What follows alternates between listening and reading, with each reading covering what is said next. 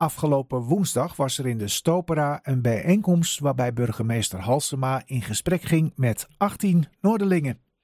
En het onderwerp was, hoe kan het ook anders, de mogelijke komst van een erotisch centrum naar de NDSM-werf.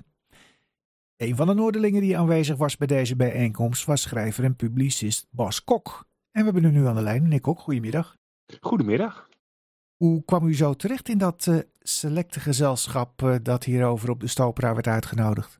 Nou, dat ging eigenlijk een beetje via via. Uh, ik werd via een bewonersvereniging op de NDSM gevraagd of ik er ook bij wilde zijn. Volgens mij was het redelijk last minute allemaal dat er echt een, een, wat uh, groter gezelschap moest worden afgevaardigd. Maar hoe, ja, hoe het verder precies is samengesteld, weet ik ook niet. Nou, u zat erbij. Wat, wat voor mensen waren er aanwezig? Van welke organisaties? En...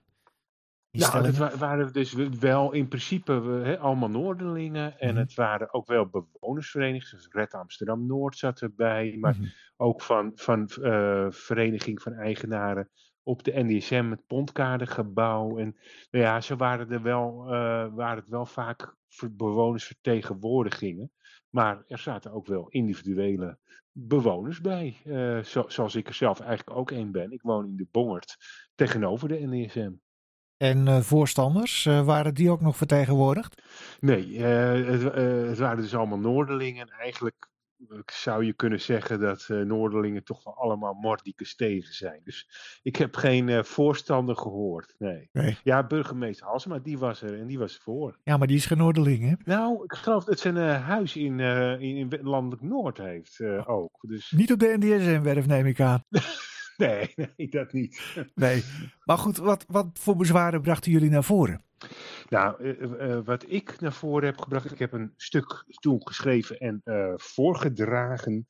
En dat was eigenlijk gewoon dat, dat ja, bereikbaarheid van de NDSM echt extreem slecht is. Hè. De, een, trein, metro of tram komt er echt niet in de buurt. De ring A10 uh, zit op drie kilometer afstand en fietsers kunnen er niet op uh, uh, eigen kracht komen, want je moet met de pont over vanuit Amsterdam. Ja, dat heb je gewoon zo'n slechte bereikbaarheid is in alle andere delen van de stad niet aan de orde. Dus het is heel slecht bereikbaar, terwijl het criterium is, het moet juist goed bereikbaar zijn. Nou, zo zijn er nog een paar dingen, zo, woningen er dicht bovenop en een kwetsbare bevolking. Dus dat, die punten heb ik ingebracht en hebben anderen ook ingebracht. Ja. Had u ook het idee dat Halsema uh, luisterde naar bezwaren? Of ja, had u de indruk dat ze deze bijeenkomst bijwoonde om die van haar lijstje af te kunnen turven? Nou, kijk, ik vond haar houding uh, professioneel. En uh, ik vond dat ze goed luisterde en inging op, op vragen en die wilde beantwoorden. Um, dus, en, maar dat, ja, kijk, natuurlijk bij een professionele gespreksvoering van een burgemeester uh, hoort altijd een procedure. Dit, het valt allemaal in een procedure en dat is natuurlijk ook misschien wel een vinkje, maar ik vond niet dat het dat ze zich een, met een uh, uh, ja, Jantje van Leiden vanaf maakte, om het maar even met een andere stad aan te duiden. Ja, waren er ook mensen toevallig bij die bijeenkomst uh, die hetzelfde cynisme aan de dag legden als ik net in mijn vraag?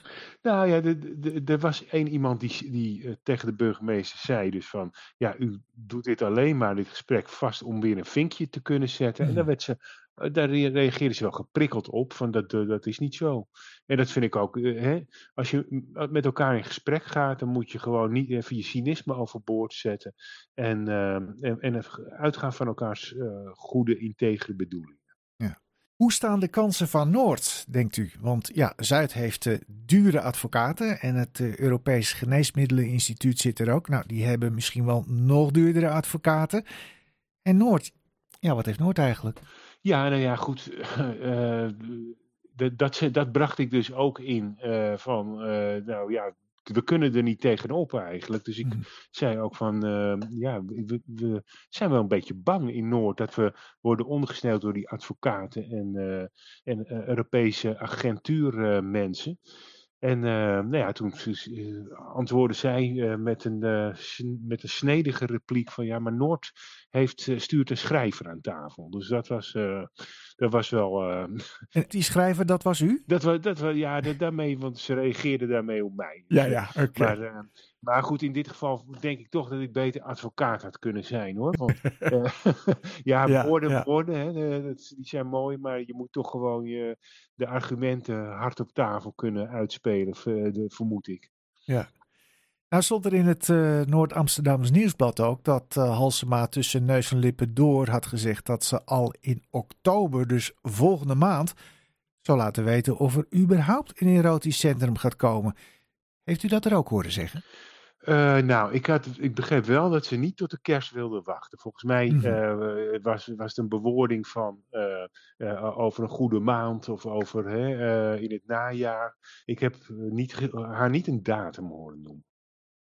In ieder geval eh, genoeg reden om het in spanning te blijven afwachten. Dank u wel voor uw update, eh, meneer Kok. Ja, graag gedaan, bedankt.